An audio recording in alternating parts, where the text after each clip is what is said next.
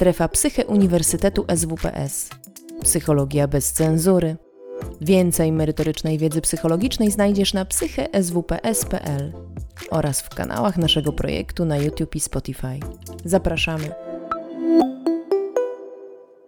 Dzień dobry, ja się nazywam Marta Zakrzewska, jestem doktorantką na Uniwersytecie w Sztokholmie, Josta Ekmans Laboratory i jestem też absolwentką SWPS-u, więc bardzo miło mi tutaj być e, dzisiaj na Nimusku. Będę opowiadać trochę o zapachach. Głównym tematem jest pamięć zapachowa i wyobraźnia zapachowa, ale też poruszę kilka innych tematów, które są bardzo na czasie. Plan na dziś jest taki. Zacznę trochę o tym, jak w ogóle można badać zapachy, potem jak zapachy są przetwarzane w mózgu, jak pamiętamy zapachy, czy jesteśmy sobie w stanie je wyobrazić, czy nie, a potem powiem trochę, dlaczego węch jest ważny i co się dzieje, jeśli on nie działa poprawnie. Zaczynając, jak badamy zapachy?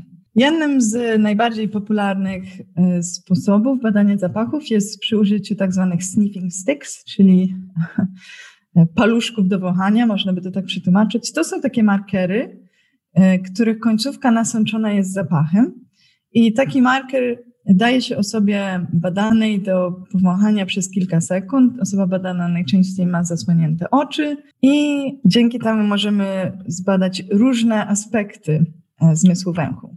Więc taki wystandaryzowany test sniffing sticks składa się z trzech części. Pierwsza część, tak zwany thresholds, czyli progi wrażliwości, to jest test, w którym osoby badane dostają do powąchania trzy takie markery i te markery naprawdę wyglądają tak jak taki zwykły marker, który tutaj mam, tylko że są nasączone zapachem. I w tej części, w której badamy progi wrażliwości, osoba badana dostaje do powąchania trzy markery. W dwóch z tych markerów nie ma żadnego zapachu, a w jednym jest e, zapach w jakby zmniejszającej się e, koncentracji. I osoba badana musi wskazać, który ten marker ma zapach, a który nie. Druga część testu to tak zwana dyskryminacja.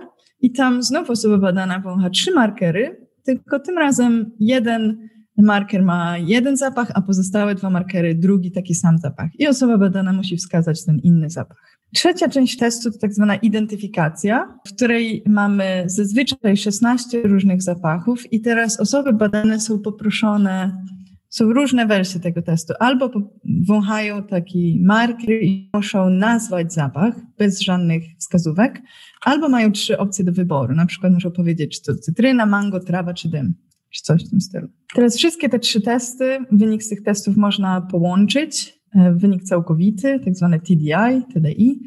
I do tego wyniku są normy, więc można powiedzieć, czy wynik danej osoby jest w normie, czy jest to wynik niższy, czy wyższy i tak dalej.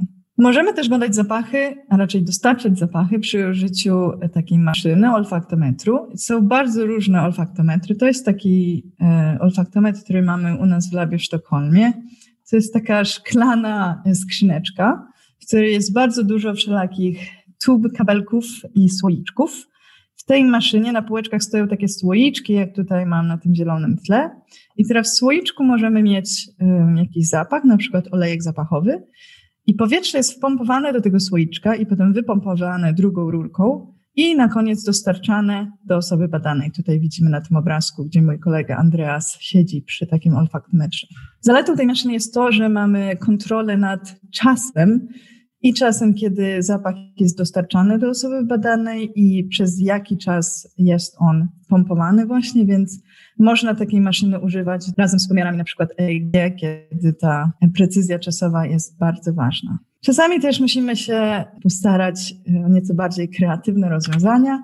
Na przykład, jeżeli chcemy, żeby osoba badana miała zapach przez dłuższy czas, to często korzystamy z takiego zaimprowizowanego rozwiązania, kiedy bierzemy takie bawełniane ruloniki, nasączamy je jakimś olejkiem zapachowym i potem obwiązujemy w bandażu dookoła głowy, tak że ten rulonik jest dokładnie pod nosem osoby badanej i osoba badana cały czas czuje ten zapach przez, przez dłuższy czas. Czasem też używamy zwykłych słoiczków, więc e, do słoiczka możemy na przykład znów mieć, e, włożyć olejek zapachowy rozpuszczony w e, mineralnym olejku, albo możemy po prostu bezpośrednio włożyć coś, czego zapach chcemy zaprezentować, na przykład popcorn albo cokolwiek innego. Zdarza nam się też do badań używać zwykłe rzeczy, takie jak herbaty. I na przykład herbaty możemy zapakować w taką puszeczkę i osoba badana wącha puszeczkę i stara się rozpoznać, co to za zapach jest w tej puszeczce. Więc tak badamy zapachy. Teraz chciałabym bardzo króciutko powiedzieć Państwu, jak zapachy są przetwarzane w mózgu i dlaczego węch jest dosyć wyjątkowym zmysłem. Przede wszystkim jest to najstarszy zmysł i e, filogenetycznie, i ontogenetycznie, czyli i ze względu na to, jak e, nasz mózg się rozwija, odkąd się rodzimy, i ze względu na to, jak nasz mózg się rozwijał ewolucyjnie. Jest to najstarszy zmysł. Ma też bezpośrednie połączenie z regionami, które są bardzo ważne dla emocji i pamięci, i zapach jakby dochodzi do tych regionów bez konieczności przechodzenia przez wzgórze, jak to jest w przypadku wielu innych zmysłów. Tutaj na tym obrazku widzimy, że jak wdychamy zapach, to tutaj już w jakby komorze naszej nosowej, czyli dosyć szybko, zapach jest odbierany przez specjalne neurony. Widzimy, tutaj jest tak zwana opuszka węchowa i tutaj też na tym zdjęciu mózgu widzimy zaznaczoną tą opuszkę węchową, która jest wydaje się bardzo ważną strukturą dla przetwarzania zapachów. I później z tej opuszki węchowej zapach dalej, sygnał zapachowy jest dalej przekazywany do e, kory gruszkowatej, czyli piriform cortex, do kory śródwęchowej, entorhinal cortex i dalej i do hipokampa, czyli takiej struktury ważnej dla pamięci i może iść dalej do amygdali, czyli do takiej struktury dosyć ważnej dla emocji i wielu innych rzeczy. I też dalej, jeszcze dalej zapach dochodzi do takiej części kory przedczołowej, która się nazywa korą oczodołowo-czołową, czyli orbitofrontal cortex, który też jest bardzo ważny dla przetwarzania zapachów. Teraz chciałabym pokazać taką trochę świeżą bułeczkę, czyli e, badanie, które dopiero zostało zaakceptowane do publikacji, jest teraz przygotowywane do w formie papierowej i tak dalej, czyli bardzo, bardzo świeże. E, badanie, które pokazało, że obszary węchowe są najsilniej funkcjonalnie połączone z hipokampem, czyli węch okazuje się zmysłem, który jest najsilniej połączony z e, właśnie obszarem hipokampa w resting state, czyli w takim, kiedy nie robimy nic konkretnego. To wskazuje, że podobnie nasz mózg, przynajmniej w kwestii węchu, jest e, zorganizowany do mózgu gryzoni, czyli tak jak u gryzoni układ węchowy jakby utrzymał tą funkcjonalną łączność z hipokampem, przeciwieństwie do innych zmysłów, które nie są tak silnie połączone z hipokampem. I tutaj na tym, na tej figurze po prawej stronie widzą Państwo, na różne kolory są zaznaczone obszary odpowiedzialne za różne zmysły, czyli na przykład widzimy na pomarańczowo obszary związane takie e, z ruchem, na e, różowo zmysł słuchu, na czarno zmysł wzroku i tak.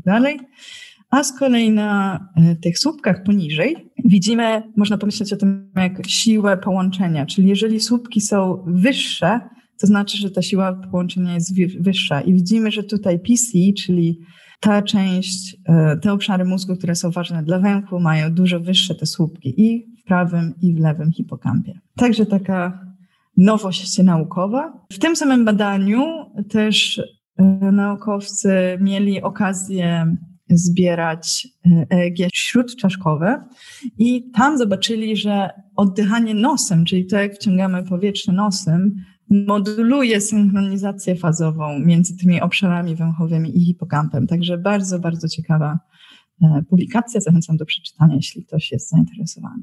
Teraz trochę chciałabym powiedzieć o tej opuszce węchowej, e, o której powiedziałam wcześniej, że jest dosyć ważnym obszarem dla przetwarzania zapachów i Stan wiedzy na dziś, powiedziałabym, jest taki, że jest to naprawdę ważny obszar i na tym wykresie widzimy, że wraz ze wzrostem e, objętości opuszki węchowej, czyli tutaj na osi Y, rośnie wynik w tym teście TDI z tymi sniffing sticks, które pokazywałam na początku. Czyli im ktoś ma większą opuszkę węchową, tym wyższy wynik w tym teście.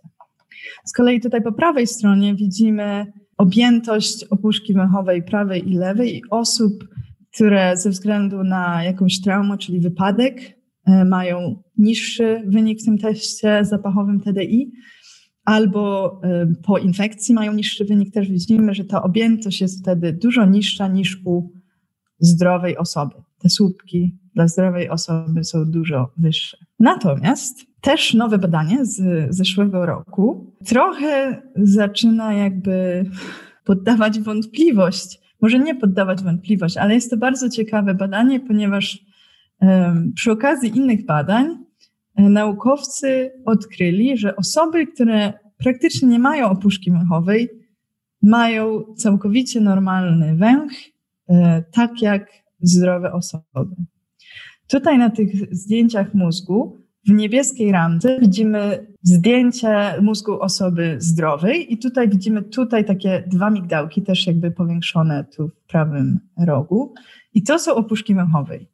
Natomiast e, pozostałe trzy kwadraciki pokazują przypadki, w których tej opuszki węchowej albo jest bardzo malutko, albo prawie jej nie ma. I teraz, o ile zdjęcie w zielonej ramce pokazuje mózg osoby z anosmią, czyli anosmia to jest nieumiejętność y, odczucia zapachów, to zdjęcia z ramki różowej i pomarańczowej to są zdjęcia dwóch kobiet, które mimo tego, że tej opuszki machowej nie mają lub mają ją bardzo malutkie, mają jak najbardziej normalne wyniki w tych testach zapachowych. Teraz jak tutaj Państwo popatrzą na tą e, figurę B i C, to są wyniki w tym właśnie teście Sniffing Stick z TDI, o którym pokazywałam. Ten wykres tutaj to jest e, wynik ogólny, w, jakby biorąc wszystkie trzy części testu razem i widzimy, że ten fioletowy, różowy i niebieski e, punkcik, które odpowiadają tym tutaj e, zdjęciom mózgu, są bardzo blisko siebie i są powyżej takiego normalnego, zdrowego wyniku, czyli 30. I osoba tutaj z anosmią, ta zielona, która nie ma opuszki węchowej i ma właśnie anosmię, czyli nie jest w stanie zapachów za bardzo czuć. Pozostałe wykresy to są po prostu wykresy e, wyników w innych testach zapachowych używanych na przykład w Stanach Zjednoczonych i też widzimy, że osoby pomarańczowa, niebieska i fioletowa e, są, mają jakby wynik całkowicie w normie, podobne do siebie. Także mimo braku e, opuszki węchowej jednak węch jest w stanie funkcjonować. Te wyniki są jak na razie tylko na, dotyczą tylko kobiet i to w dodatku leworęcznych, także nie wiadomo do końca jeszcze, co tu się dzieje, ale też bardzo ciekawy wynik. To teraz przejdę do części, jak pamiętamy zapachy. Zanim zacznę mówić o pamiętaniu zapachów, e, to chcę powiedzieć o tak zwanej wypustce pamięciowej lub reminiscence bump po angielsku. Dotyczy to takiego e, zgromadzenia wspomnień z naszego życia. Czyli jeżeli pytamy się osoby o różne wspomnienia, takie autobiograficzne, to najwięcej tych wspomnień będziemy mieli pomiędzy 10 a 20-25 rokiem życia. Tutaj widzą Państwo taką górkę, wypustkę. Jeżeli chodzi o wcześniejsze dzieciństwo, to dużo mniej tych wspomnień jest i później w życiu też jest mniej tych wspomnień, no poza jakby wspomnieniami z lat najnowszych, czyli jeżeli ktoś ma lat na przykład 50, to wiadomo, z 50 roku życia pewnie będzie miał więcej wspomnień niż z 5 i tak dalej. Ale właśnie ta wypustka pamięciowa odnosi się tego, że więcej wspomnień autobiograficznych mamy pomiędzy 10 a 20-25 rokiem życia. Teraz moi znajomi e, ze Sztokholmu jakiś czas temu postanowili zrobić e, podobne badanie i z, popatrzeć, jak to się ma w kwestii pamięci zapachowej. I teraz, jeżeli pytamy osoby o przypomnienie sobie e, jakichś takich wspomnień, które mają w sobie zapachy, pokazując im zdjęcie, czyli na przykład pokazujemy zdjęcie konwali i prosimy o przypomnienie sobie jakichś wspomnień z życia, które dotyczą zapachu konwali, to wtedy otrzymujemy bardzo podobny wzorzec, czyli najwięcej tych wspomnień, ta wypustka, górka na wykresie jest jakby pomiędzy właśnie 10 a 20 rokiem życia. Natomiast jeżeli zamiast pokazywać zdjęcia, damy osobom badanym zapach do powąchania, czyli damy po prostu zapach i powiemy, proszę sobie przypomnieć jakiekolwiek wspomnienia, które się kojarzą z tym zapachem, to wtedy ta górka jest dużo, dużo wcześniej. Czyli widzimy tutaj, że najwięcej wspomnień jest tak naprawdę w pierwszej dekadzie życia. Czyli ta zapachowa wypustka pamięciowa jest dużo wcześniej. To badanie zostało powtórzone później na innej grupie e, osób badanych, która także miała nie tylko osoby widzące, ale też i niewidome. I tam także zobaczyliśmy, że najwięcej wspomnień wywołanych właśnie przez zapachy ma miejsce w tej pierwszej dekadzie życia, czyli we wczesnym dzieciństwie. I w dodatku było to tak samo dla osób widzących, jak i niewidomych. Na tym wykresie tutaj po prawej stronie mogą Państwo zobaczyć, że jakby ten żółty słupek, który pokazuje proporcje wszystkich wspomnień, które były zlokalizowane właśnie w pierwszej dekadzie życia, jest dużo wyższy niż wszystkie inne słupki. I zarówno tutaj po tej lewej stronie, gdzie mamy osoby widzące, i po prawej stronie, gdzie mamy osoby niewidome. Dla porównania, jeżeli zapytamy się osób badanych o wspomnienia związane z dźwiękiem, to jakby te wspomnienia takie autobiograficzne, wywołane dźwiękami, Najwięcej ich miało miejsce właśnie w pierwszych 20 latach życia. Widzimy, że tutaj te pierwsze trzy słupki, jeżeli by je dodać do siebie, to e, byłyby największe. Teraz pytanie, które nasuwa się przynajmniej mi, jest, czy jesteśmy w stanie taką pamięć zapachową polepszyć albo wytrenować. I u nas w Sztokholmie e, dłuższy czas temu już, choć badanie opublikowane dopiero było w zeszłym roku, prowadziliśmy takie badanie, w którym osoby przychodziły i trenowały albo takie memory, grę zapachową, albo wizualne. Ta gra zapachowa polegała na tym, że osoby badane dostawały puszeczki z herbatą, które można było rozłożyć na takiej planszy i trzeba było znajdować pary herbaty, które pachniały tak samo. A trening wizualny wyglądał bardzo podobnie. W tych puszeczkach zamiast herbat były po prostu obrazki, trzeba było znaleźć pary takich samych obrazków. Po mniej więcej 40 dniach treningu takiego zapachowego, e, osoby badane wracały i okazało się, że po pierwsze po jakby stały się lepsze w tej grze zapachowej, ale też stały się lepsze, lepsze w grze wizualnej. I ten wykres pokazuje te badania, ale pewnie dla części z Państwa, które może nie są zaznajomieni z wynikami badań naukowych, od razu nasuwa się pytanie, czym są te pudełeczka, te kwadraciki. Więc ja szybko wyjaśnię, jak czytać taki wykres, ponieważ to jest jeden z popularniejszych sposobów prezentowania danych i jeden z lepszych w moim skromnym mniemaniu. Więc na tym wykresie widzimy takie grube czarne linie. Te grube czarne linie pokazują medianę w danej grupie. Mediana to jest taka wartość, która jest dokładnie pośrodku wszystkich e, wyników w danej grupie. Więc jeżeli popatrzymy na ten wykres, to pomiędzy tą grubą czarną kreską a tą taką cieńszą kreską znajduje się 50% wszystkich wyników w danej grupie. I tak samo pomiędzy tą grubą czarną kreską, a tą górną kreseczką tutaj, którą akurat zasłoniłam napisem grę zapachowo, niechcący. Tak samo, a raczej podobnie, e, pomiędzy tą grupą czarną kreską, a granicą tego pudełeczka mieści się 25% danych, czyli jakby patrząc na taki wykres, jesteśmy w stanie mniej więcej zobrazować sobie, jak e, wyniki badaniu się rozkładają, bo wiemy wtedy, że tak, ok, 25% osób miało wynik pomiędzy tutaj tą kreseczką, czyli załóżmy 25 a 30, 25% między 30 a 35 i tak dalej, i tak dalej. W samym pudełeczku też znajduje się 50% wyniku. I dodatkowo patrząc na taki wykres, jesteśmy w stanie, patrząc na te grube czarne kreski najbardziej, jesteśmy w stanie powiedzieć, czy na przykład mediana w grupie się zmieniła przed lub po treningiem. I widzimy, że przed treningiem osoby badane w grupie zapachowej potrzebowały średnio 35-36 prób, żeby znaleźć wszystkie pary. Natomiast po treningu potrzebowały te osoby całkiem mniej prób około 26, czyli polepszyły się, bo szybciej były w stanie znaleźć te pary zapachowe. I podobnie, mimo że te osoby nie trenowały z tą grą wizualną, czyli grą z obrazkami, a nie zapachami, to też po treningu były w stanie szybciej znaleźć pary niż przed. Dla porównania mogę pokazać, jak to wyglądało dla osób, które trenowały grę wizualną, a nie zapachową. I te osoby po treningu potrzebowały mniej prób, żeby znaleźć obrazki. Widzimy, że to się zmniejszyło, ale nie wpłynął ten trening wizualny na to, jak dobrze im szło w grze zapachowej. Chciałam pokazać, że w tej grupie osób, które trenowały e, tę grę zapachową, po treningu e, te osoby były w stanie lepiej nazwać i lepiej rozróżniać zapachy. I poziom, w którym to robiły, był zbliżony do poziomu ekspertów. I znów mam tutaj te pudełeczkowe wykresy. Teraz widzimy na żółto. Żółte pudełeczka pokazują wyniki z grupy zapachowej, niebieskie z grupy wizualnej, a brązowe dodatkowo wynik ekspertów.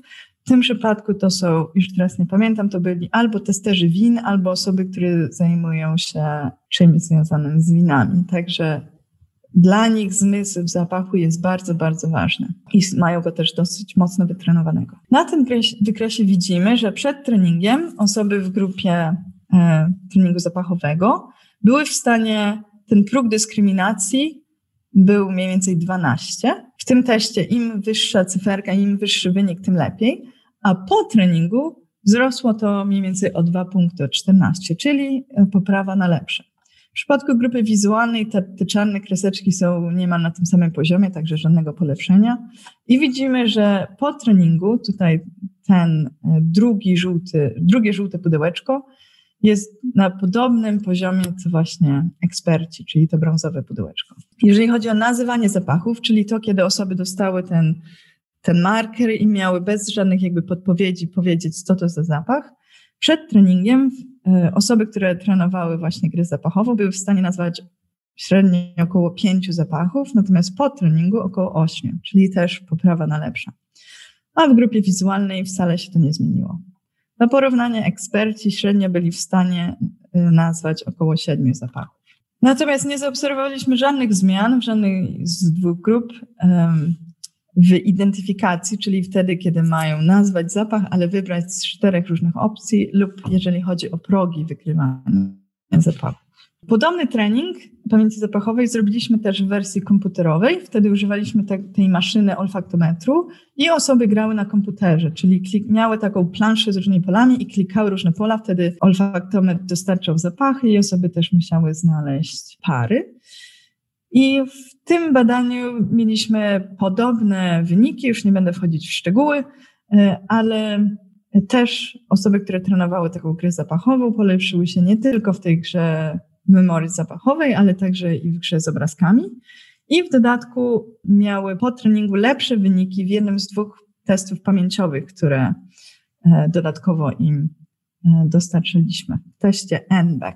Jeżeli ktoś jest zainteresowany wynikiem szczegółowym e, tej komputerowej wersji treningu zapachowego, to tutaj odsyłam do publikacji z 2017 roku. Dobrze, teraz mówiłam już przez jakiś czas i pokazałam dużo wyników, więc mam taki przerywnik, żeby Państwa trochę odświeżyć.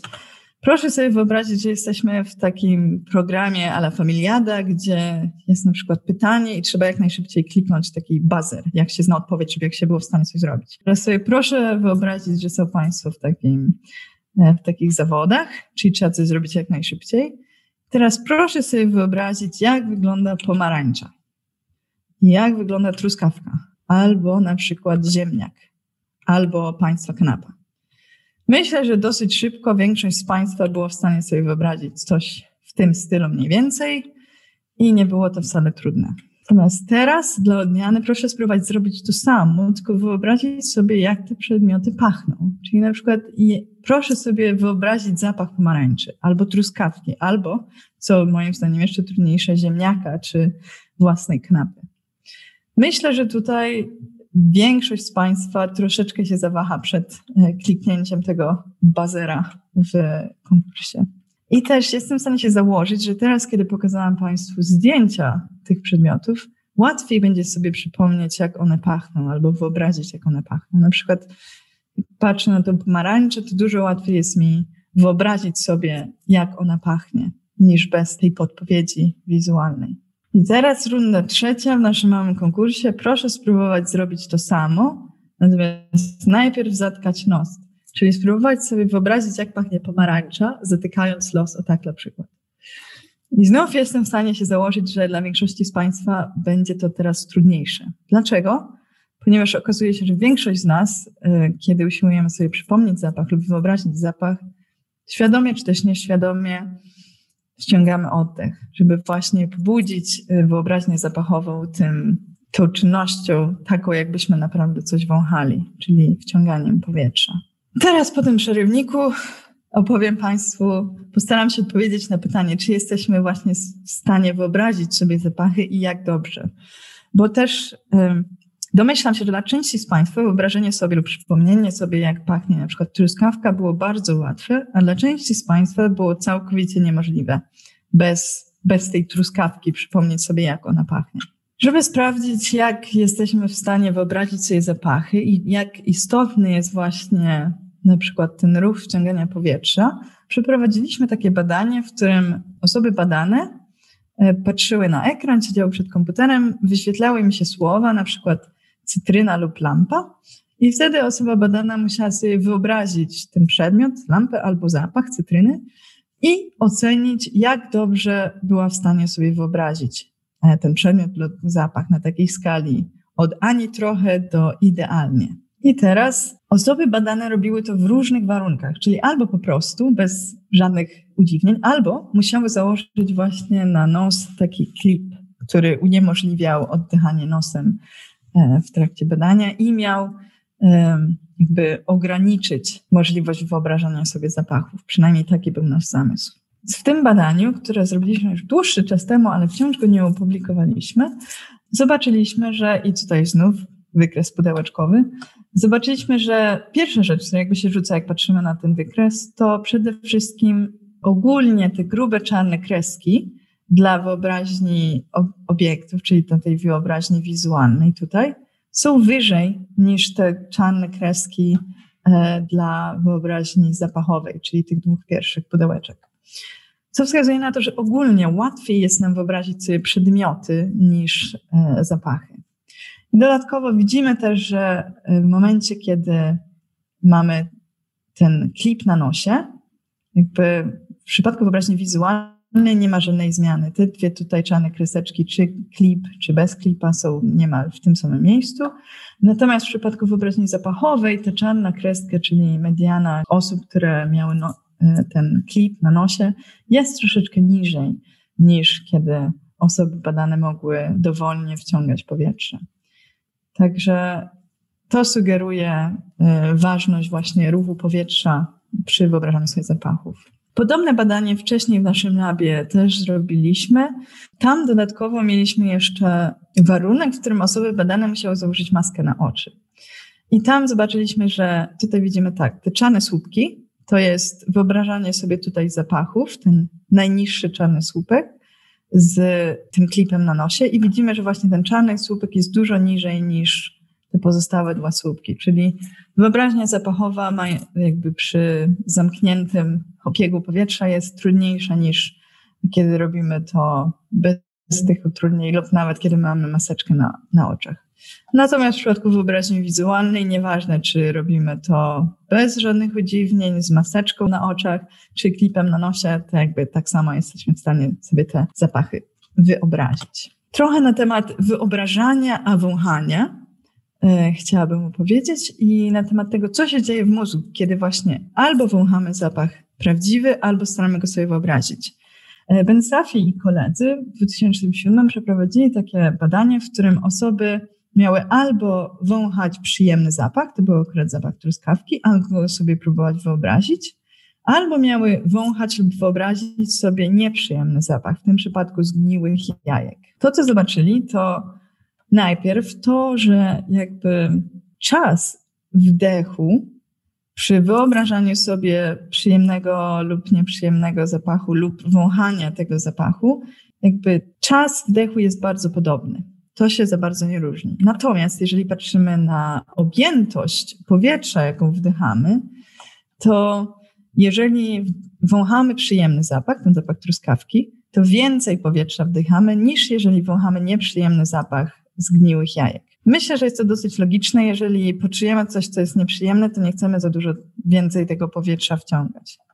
Co ciekawe, podobny wzorzec był przy wyobrażaniu sobie tych przyjemnych i nieprzyjemnych zapachów. Czyli jeżeli wyobrażamy sobie przyjemny zapach, wciągamy więcej powietrza niż jeżeli wyobrażamy sobie nieprzyjemny zapach. Czyli jest jakaś, jakieś podobieństwo między wyobraźnią zapachową a doświadczeniem zapachów. To badanie było e, robione w rezonansie magnetycznym, także mamy też informacje na temat aktywności mózgu w odpowiedzi na te zapachy w różnych, w tych częściach mózgu, które są właśnie ważne dla dla przetwarzania zapachowego. Czyli tutaj widzimy piriform, czyli ta kora gruszkowata i w, w tym obszarze mózgu to, co zaobserwowali w badaniu, to to, że kiedy wąchamy truskawkę, to aktywność jest mniejsza niż kiedy wąchamy ten nieprzyjemny zapach. I podobny wzorzec w przypadku wyobrażania sobie, czyli też jeżeli e, jest różnica między aktywnością mózgu, jeżeli wyobrażamy sobie przyjemny zapach, w porównaniu z tym, jak wyobrażamy sobie nieprzyjemny zapach. Później też popatrzyli na wiele różnych innych ważnych dla zapachu obszarów mózgu, czyli wyspę, insulę, tą część kory przedczołowej, orbitofrontal cortex i różne jej podczęści. I teraz tak, jeżeli patrzymy na te wyniki, to widzimy, że w niektórych obszarach jest podobny wzorzec aktywności pomiędzy wyobrażaniem sobie zapachów, a doświadczeniem zapachów. Na przykład tutaj widzimy, że e, jest mniejsza aktywność, kiedy wąchamy truskawkę w porównaniu do nieprzyjemnego zapachu i podobnie przy wyobraźni.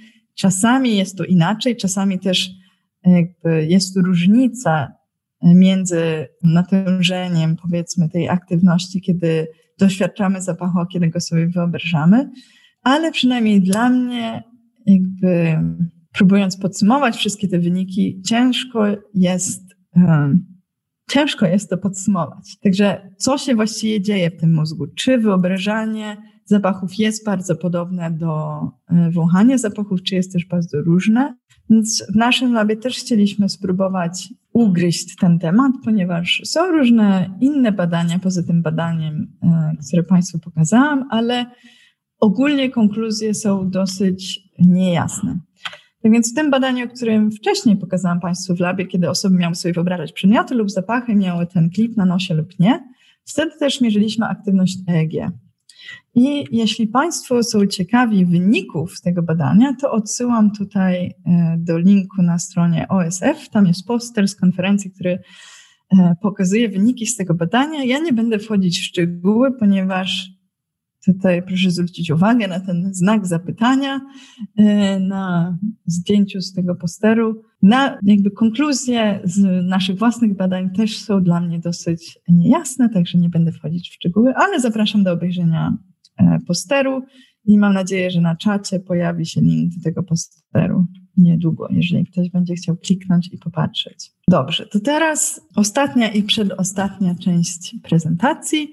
Będę chciała powiedzieć troszeczkę, naprawdę troszeczkę o tym, dlaczego węch jest ważny, a później co się dzieje, jeśli nie działa poprawnie. Tak, dlaczego węch jest ważny?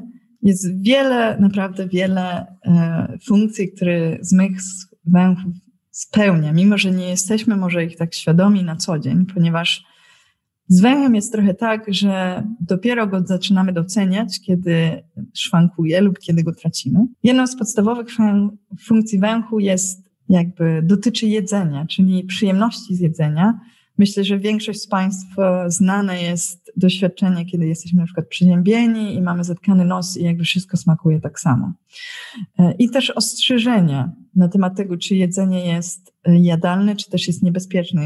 Jeżeli coś pachnie podejrzanie, o ile nie jest to drogi francuski ser, to raczej tego nie zjemy, ponieważ jest to sygnał dla nas, że coś może się dziać e, niedobrego w tym jedzeniu. Węg jest też ważny dla komunikacji społecznej i jest naprawdę masa bardzo ciekawych badań, na przykład na noworodkach, które pokazuje, że nawet noworodki są w stanie rozróżnić zapach mleka własnej matki od mleka innych matek i skierować swoją uwagę w stronę tego zapachu. Też, e, nie wiem, czy Państwo widzą na tym obrazku drugiego tutaj noworodka, nawet noworodki pokazują preferencje zapachowe i jakby wstręt wywołany jakimś nieprzyjemnym zapachem. I tutaj widzimy ten dzieciaczek ma bardzo zmarszczony nos i myślę, że większość z Państwa jest w stanie rozpoznać wstręt na, na twarzy tego e, bobasa. Następną e, funkcją węchu jest unikanie chorób. I mimo, że wszystkie funkcje węchu są bardzo ciekawe, ponieważ mój doktorat skupia się na właśnie tej funkcji zapachu dotyczącej unikania chorób, dlatego spędzę teraz kilka minut opowiadając właśnie o tej roli węchu, a nie o pozostałych rolach węchu. Co nam daje węch? Unikanie chorób, ale zanim jeszcze o tym powiem, to krótki przerywnik ponownie, żeby Państwu trochę odświeżyć. Znów jesteśmy w tym konkursie, trzeba jak najszybciej sobie wyobrazić, jak coś pachnie. I teraz proszę sobie wyobrazić, jak pachnie zgniłe jajko. albo jak pachnie toj toj. Myślę, że przynajmniej część z Państwa y, wyglądała mniej więcej tak, jak Clint Eastwood na tym zdjęciu, próbując sobie wyobrazić te zapachy, a duża część z Państwa chciałaby mieć klip na nosie w momencie, kiedy spotyka się z tymi zapachami. To jest taki wstęp do opowiedzenia troszeczkę o wstręcie, o emocji wstrętu, które jest bardzo ważne dla unikania chorób. Jeżeli coś wywołuje w nas wstręt, to chcemy się od tego oddalić jak najbardziej i nie chcemy wchodzić z tym interakcji albo tego jeść. I myślę, że też um, większość z Państwa potrafi się odnaleźć w sytuacji, kiedy no, kiedy jeszcze świat był normalniejszy i nikt nie nosił maseczek, kiedy byliśmy w zatłoczonym metrze lub autobusie i ktoś był ewidentnie chory, kichał, prychał i nie zasłaniał e, ust i nosa. Wtedy myślę, że większość z Państwa wyglądała tak zniesmaczenie, jak ten pan tutaj na zdjęciu. Ogólnie, jeżeli przypatrzymy się twarzy, wyrazowi twarzy w, trak- w odpowiedzi na wstrętne bodźce, to jakby to zmarszczenie nosa jest jedną z e, bardziej e, rzucających się w oczy rzeczą w tej właśnie na naszych twarzach. E, I to zmarszczenie nosa ma swoją funkcję, mianowicie robimy to też, żeby zmniejszyć jakby przepływ powietrza, żeby mniej powietrza dostawało się do nosa i żeby ograniczyć dostęp potencjalnych niebezpiecznych cząsteczek do naszego organizmu. I też jakby unikanie właśnie tych e, niebezpiecznych cząsteczek jest jedna z podstawowych funkcji węchu. Tutaj jeszcze więcej przykładów właśnie tego, jak reagujemy na wstrętne rzeczy. Jeżeli widzimy robaka, to większość z nas zareaguje tak jak ta dziewczynka i nie będzie go chciała zdjąć. Część podobnie zareaguje na wiek brukselki, a część na zepsute jedzenie. I tutaj jeszcze dla przypomnienia e, zdjęcie właśnie tego noworodka, który tak samo maszczy ten nos, żeby w reakcji na nieprzyjemny zapach. Teraz chciałabym trochę powiedzieć o zapachu infekcji, ponieważ może zacznę od tego, że właśnie zapachy ciała są takim, są bodźcami, które wywołują wstręt jakby globalnie, niezależnie od tego, w jakim kraju żyjemy, czy w jakiej kulturze jesteśmy. Więc e, grupa ze Sztokholmu, z Karolińska Institute, przeprowadziła takie badanie, w którym osoby badane dostawały albo zastrzyk placebo, albo zastrzyk liposacharydu. To jest taka efekt tej substancji. Jeżeli LPS komuś podamy, to bardzo szybko taka osoba rozwinie symptomy podobne do symptomu, kiedy jesteśmy chorzy. Te symptomy szybko znikają, ale przez pewien czas mamy wiele e, symptomów takich, jakbyśmy byli chorzy. Po podaniu albo placebo, albo tego NPS, osoby e, badane, zbierane o nich były próbki potu. E, najczęściej jest to robione tak, że osoby są proszone o noszenie koszulki, które ma jakby wszyte takie materiałowe rzeczy pod pachami, które potem można wyciągnąć i zebrać jakby próbkę potu. I potem inne osoby wąchały jakby te próbki potu z osób albo, które pokazywały symptomy infekcji, albo które miały wstrzyknięte placebo, więc e, symptomów nie miały. I okazuje się, że osoby, które wąchały takie zapachy, oceniały e, zapach potu osób właśnie z symptomami infekcji jako bardziej intensywne. Tu ten czerwony słupek jest e, wyżej niż niebieski słupek oceniały je jako mniej przyjemne. Tu z kolei widzimy, że e, czerwony słupek e, wskazuje na bardziej negatywne wartości niż ten niebieski, który pokazuje ocenę e, potu osób placebo. I co więcej, te próbki potu osób z strzykniętym LPS były oceniane jako mniej zdrowe niż osoby, które miały tego placebo.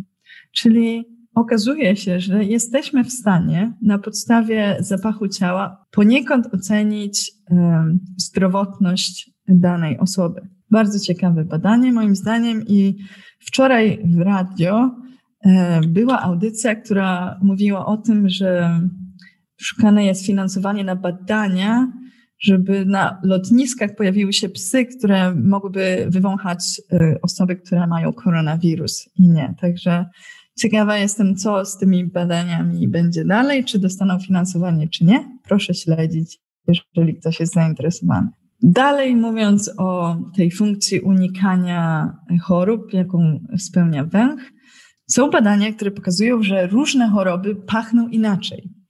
E, tutaj widzimy taką figurę, która pokazuje jakby e, o jakich zapachach będę mówić, czyli oddech, zapach skóry lub potu, też zapach krwi, zapach unoszący się oczywiście z obszarów dotkniętych chorobą, albo mocz czy odchody. Teraz e, grupa japońskich badaczy właśnie zebrała informacje na temat tego, jak pachną różne choroby i co więcej, postarała się zidentyfikować, jaki wirus, czy bakteria, czy grzyby są odpowiedzialne za tą chorobę i jakie cząsteczki obecne w zapachu e, można przypisać do tej choroby i do tego zapachu. I na przykład widzimy tutaj, że cholera, odchody osób z cholerą pachną trochę słodkawo.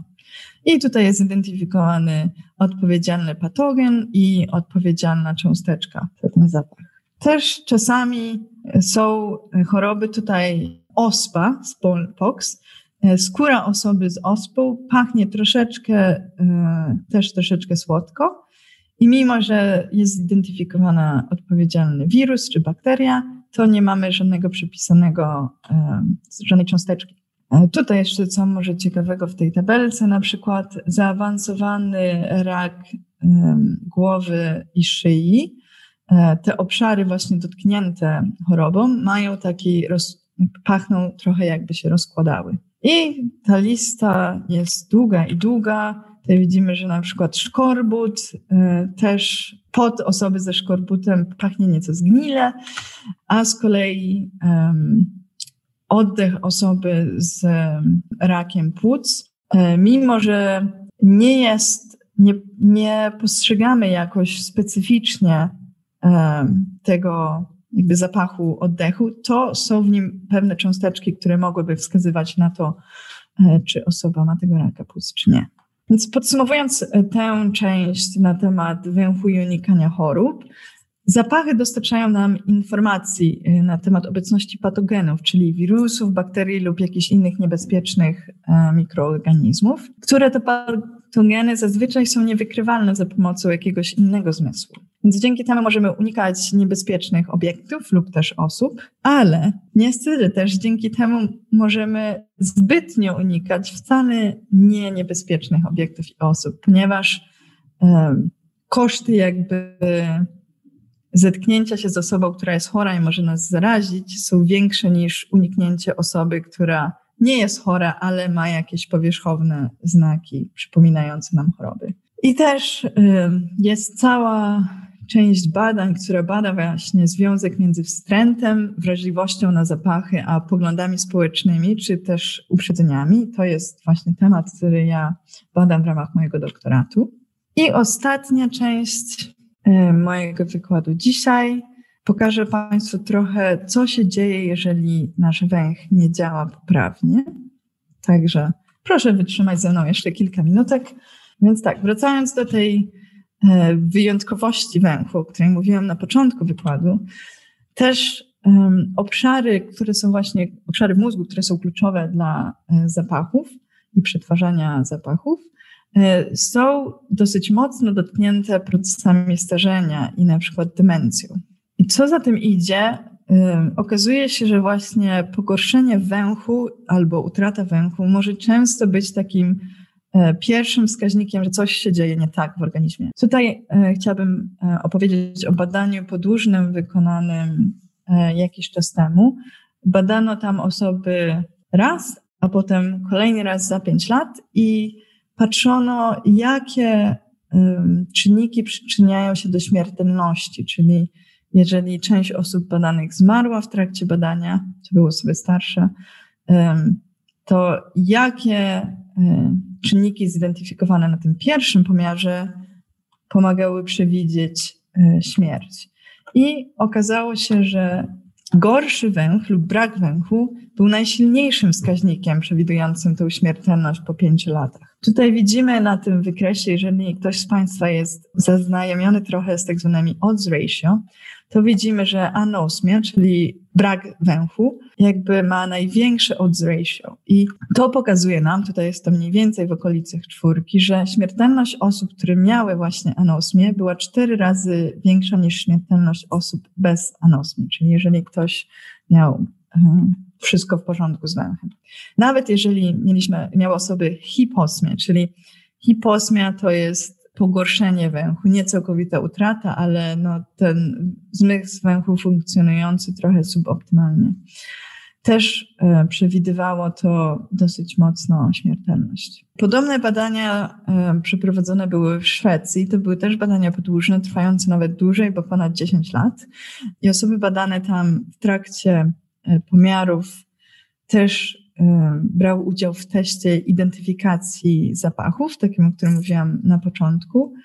I okazało się w tym badaniu, że każdy poprawnie zidentyfikowany zapach zmniejszał jakby współczynnik ryzyka o 8%. I tutaj na tych dwóch wykresach, co jest ważne, mogą Państwo popatrzeć. Biała część słupków wskazuje ilość e, osób badanych, która była e, zdrowa i żywa po upływie 10 lat, a ta czarna część słupków e, liczbę osób, która niestety zmarła przed upływem badania. I widzimy też ilość zidentyfikowanych zapachów w tym teście.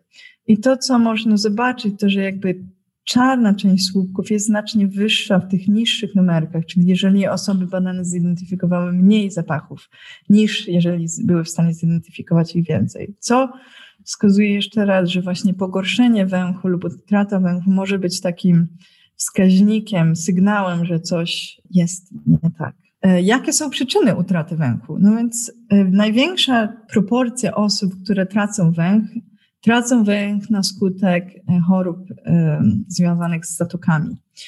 To jest 67, prawie 70%. Natomiast jeżeli popatrzymy na ilość osób, które rodzą się bez e, zmysłu węchu, czyli tutaj congenital, to jest bardzo mały odsetek osób, 1%.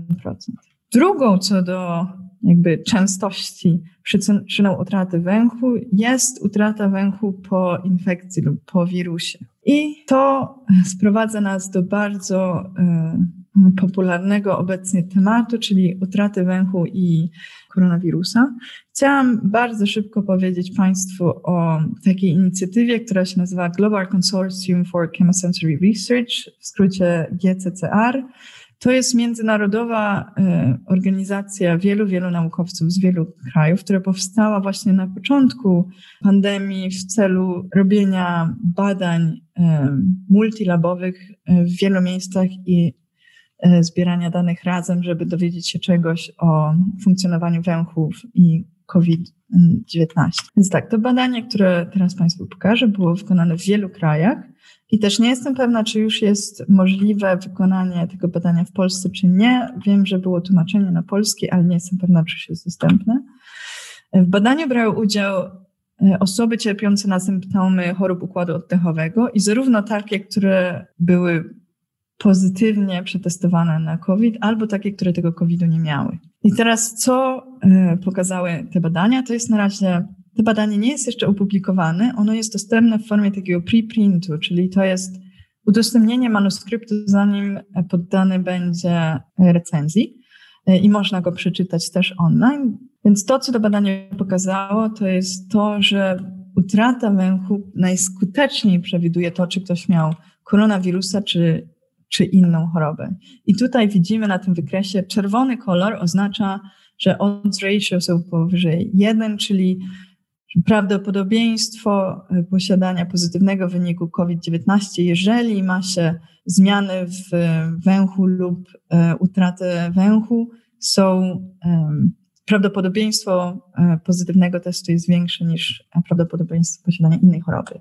Dla porównania tutaj mogą Państwo zobaczyć, tutaj niżej znajduje się gorączka. Widzą Państwo, że ten paseczek też jest czerwony, czyli jeżeli mamy gorączkę, to jesteśmy większe jest prawdopodobieństwo, że mamy COVID-19, a nie coś innego, że go nie mamy, ale ten słupek czerwony jest dużo mniejszy niż w przypadku zmian zapachowych. Pogorszenie węchu było obecne zarówno wśród tych osób, które miały pozytywny test na koronawirusa, jak tych, które go nie miały. Natomiast węch znacznie bardziej się pogarszał, jeżeli osoba miała koronawirus, niż jeśli go nie miała. Co ciekawe też, okazuje się, że dużo lepiej E, przewidzieć można było to, czy ktoś miał koronawirus, czy nie, jeżeli używało się oceny zapachu na skali, czyli na przykład nie tylko powiedzenie, czy pogorszył mi się e, węch, tak, nie, ale jeżeli osoba badana oznaczała na skali, jak bardzo ten węch się pogorszy. Tutaj e, te wykresy może troszeczkę skomplikowane, ale widzimy tak, tutaj w tym kwadraciku lewym górnym widzimy osoby, które E, którym pogorszył się węch. Tutaj widzimy, że na tej osi, jeżeli jesteśmy po lewej stronie, to węch się pogorszył, natomiast jeżeli e, na tej osi jesteśmy wyżej, to znaczy, że te osoby odzyskały zapach. I widzimy, że w przypadku osób z koronawirusem, ten wykres tutaj, lub y, osób z pogorszonym węchem było znacznie więcej, lub po prostu pogorszenie węchu było znacznie większe, zarówno jeżeli chodzi o to stałe pogorszenie węchu lub takie, które potem e, zostało naprawione, że tak powiem, niż w przypadku osób, które koronawirusa nie miały. E, dobra wiadomość jest taka, że według tego badania około 50% osób, które węch straciły, odzyskały węch po mniej więcej 40 dniach. Jest nadzieja. I na koniec chciałabym tylko wspomnieć o bardzo, bardzo, bardzo fajnej stronie, która y, jest taką bieżącą metaanalizą na temat y, powiązania, y, na temat efektów COVID-19 i na węch. Jak na razie jest tam ponad 200 badań, ponad 100 tysięcy osób badanych i te badania jakby wciąż są aktualizowane. Jeżeli wychodzi nowe badanie, to jest uwzględniane w tej E, metaanalizie. Pokazuje efekt koronawirusa na zarówno obiektywne, jak i subiektywne oceny węchu. Są to badania z wielu, wielu krajów. I krótka konkluzja jest taka, że pogorszenie węchu przy koronawirusie jest naprawdę stałym, takim zaobserwowanym efektem. Ja dziękuję za uwagę. E, mówiłam trochę dłużej niż planowałam. Mam nadzieję, że Państwo się nie zanudzili. Będziemy jeszcze mieli dla Pani kilka pytań.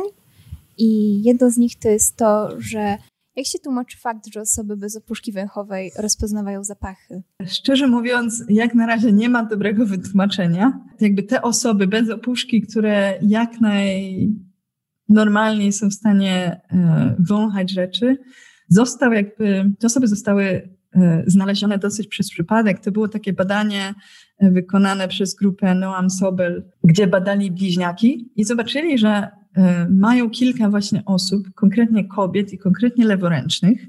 Jeśli dobrze pamiętam, to było około pół procenta ze wszystkich osób w tej bazie danych, które właśnie mimo braku opuszki węchowej są w stanie wąchać.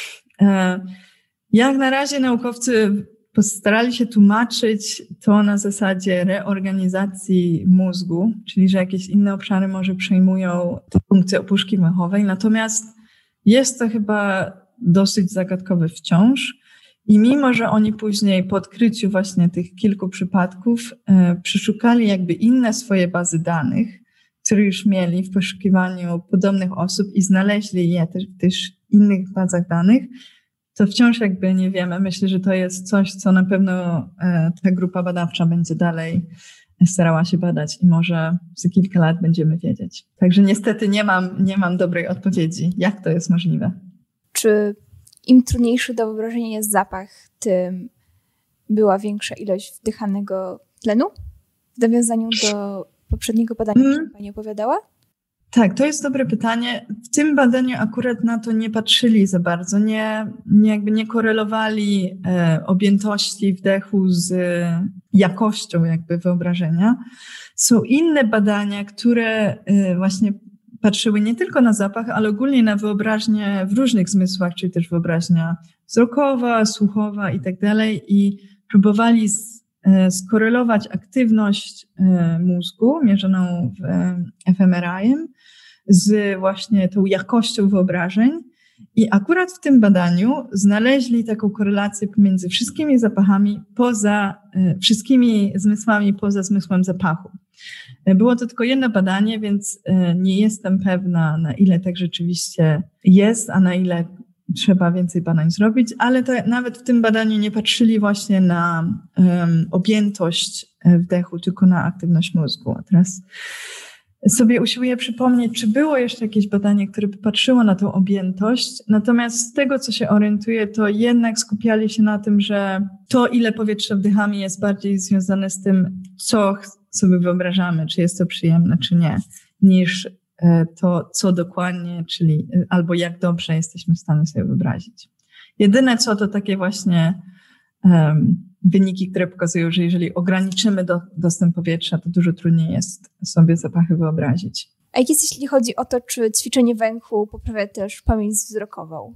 No więc właśnie na podstawie badań, które były robione w naszym labie, ale też e, w kilku innych labach, e, tych badań akurat nie pokazywałam dzisiaj, wygląda na to, że właśnie jeżeli ćwiczymy pamięć zapachową, to jakby e, korzyści z tych z tego treningu przenoszą się na inne zmysły i inne testy. Czyli to nie jest tylko to, że stajemy się lepsi w tej grze zapachowej, którą trenujemy, ale też stajemy się lepsi w innych e, zadaniach, które e, dotyczą pamięci.